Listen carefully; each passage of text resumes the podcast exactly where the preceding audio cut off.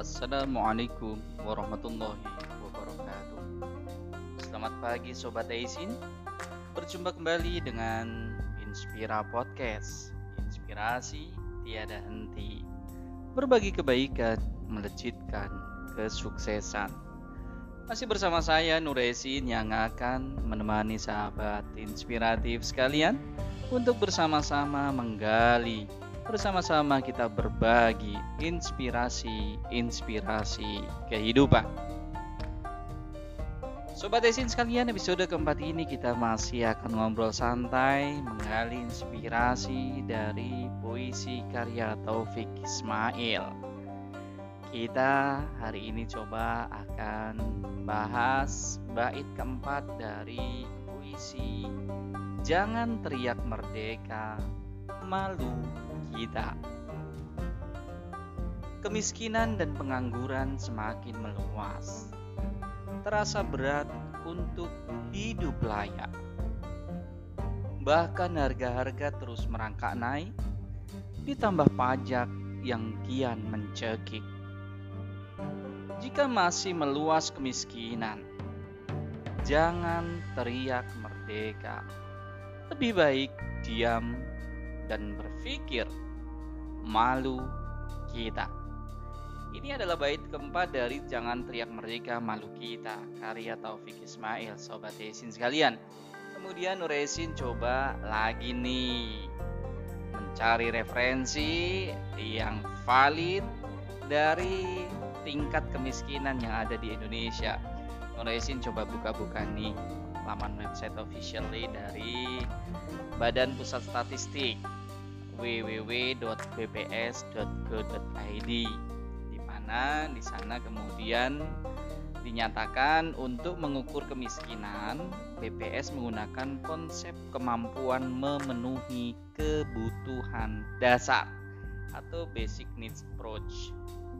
Dengan pendekatan ini kemiskinan dipandang sebagai ketidakmampuan dari sisi ekonomi untuk memenuhi kebutuhan dasar makanan dan bukan makanan yang diukur menurut garis kemiskinan. Makanan dan bukan makanan. Di mana dari data Badan Pusat Statistik Sobat Desit sekalian bahwa garis kemiskinan makanan adalah nilai pengeluaran kebutuhan minimum makanan di mana nilainya adalah setara dengan 2100 kilokalori per kapita per hari. Sementara itu kalau garis kemiskinan yang dari bukan makanan dinilai dari minimum pengeluaran untuk perumahan, sandang, pendidikan, kesehatan, dan kebutuhan pokok bukan makanan yang lainnya. Sobat isi sekalian, kemudian dari data Badan Pusat Statistik tersebut untuk periode Maret 2021 jumlah penduduk miskin Republik Indonesia ini adalah sebesar 27,54 juta orang. Kabar baiknya angka ini turun 0,01 juta orang terhadap periode bulan September 2020. Namun kalau dibandingkan dengan periode Maret 2020 sobat istri sekalian ternyata ada kenaikan 1,12 juta orang miskin. Sementara untuk persentase penduduk miskin pada Maret 2021 sebesar 10,14 persen. Lagi-lagi ini turun 0,05 persen kalau dibandingkan dengan posisi September 2020. Tetapi sobat desin sekalian, kalau dibandingkan dengan posisi Maret 2020, angka ini adalah naik 0,36 persen.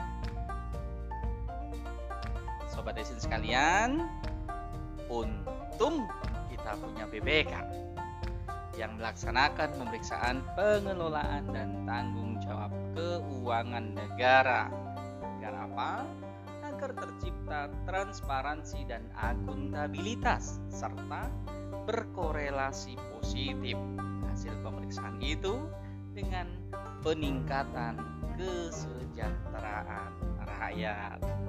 Nuresin coba mencari referensi nih langsung dari laman website wartapemeriksa.bpk.go.id di mana ternyata BPK banyak melakukan upaya-upaya untuk optimalisasi penanganan dan penengentasan kemiskinan di Indonesia.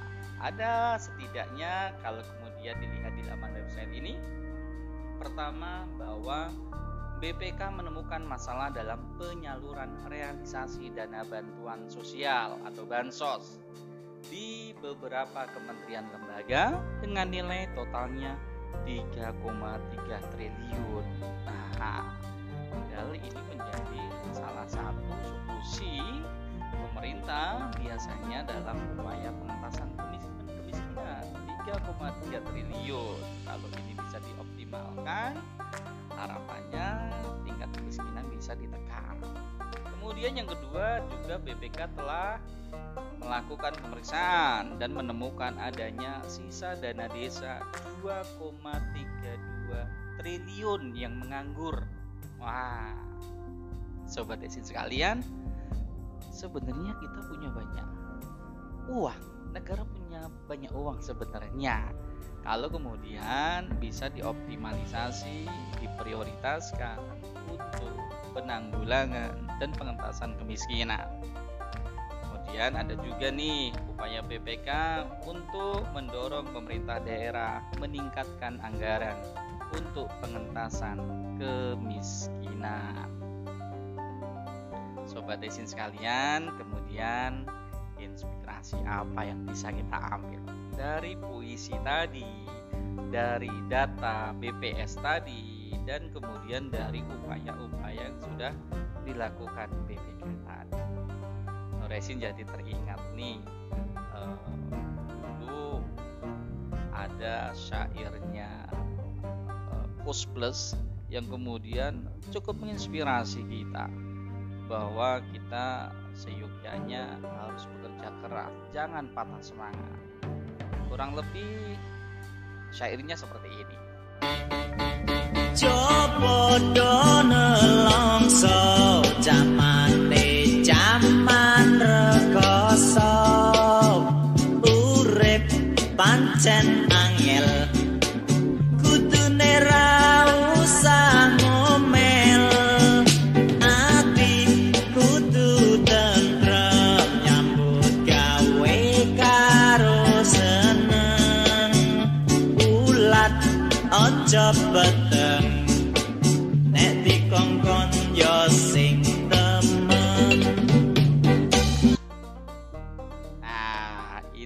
sobat desin sekalian Jopodo nelongso Jamane jaman rekoso gitu Resin kalau melantunkan ini jadi malah nanti tidak fokus sahabat sekalian Oke Artinya apa? Artinya jangan patah semangat. Kita harus optimis. Kita berusaha sebaik-baiknya. Karena manjada wajada. Siapa yang bekerja keras pasti hasil tidak akan mengkhianati usahanya. Ada sebuah kisah menarik tatkala Rasulullah Shallallahu Alaihi Wasallam hijrah ke Madinah Kemudian sebelum masuk kota Madinah bertemu dengan seorang lelaki yang di tengah terik matahari bertelanjang dada. Kemudian ia bekerja keras memecah bebatuan sampai tangannya itu dalam bahasa Jawanya adalah kapalan. Kapalan itu apa ya? E, sampai mengeras dan kasar begitu. Kemudian Rasulullah mengatakan bertanya, "Ya fulan, kamu bekerja seperti ini untuk apa?" saya bekerja seperti ini untuk memperjuangkan nafkah keluarga saya di rumah. Sobat isin sekalian, apa yang dilakukan Rasulullah? Ternyata Rasulullah kemudian langsung mengambil tangan laki-laki itu, kemudian menciumnya. Para sahabat heran, kenapa sampai Rasulullah sedemikian heroik mengambil tangan sahabat tersebut kemudian sampai menciumnya. Kemudian Rasulullah mengatakan, "Hadhihi yadun la tamasihi narun abada." inilah tangan yang tidak akan pernah disentuh api neraka. Inspirasinya apa sobat isin sekalian? Bahwa ketika kita bekerja keras, ketika kita bekerja penuh semangat, penuh optimisme, menggunakan semua potensi kita, melaksanakan amanah kita yang sebagai pemeriksa yang memeriksa, yang sebagai abdi negara menjadi abdi negara, yang sebagai pengusaha-pengusaha yang amanah, pebisnis-pebisnis yang bersih, maka itu akan menjadikan kita golongan orang-orang yang selamat di dunia, selamat di akhirat. Demikian sobat Esin sekalian, kita berhasil menggali inspirasi dari kemiskinan yang ada di negeri ini. Jangan pesimis, tapi kita tetap harus optimis. Menggali inspirasi tiada henti, berbagi kebaikan, melejitkan kesuksesan. Sampai bertemu di episode berikutnya di Inspirasi Podcast bersama Nurezid. Assalamualaikum warahmatullahi wabarakatuh.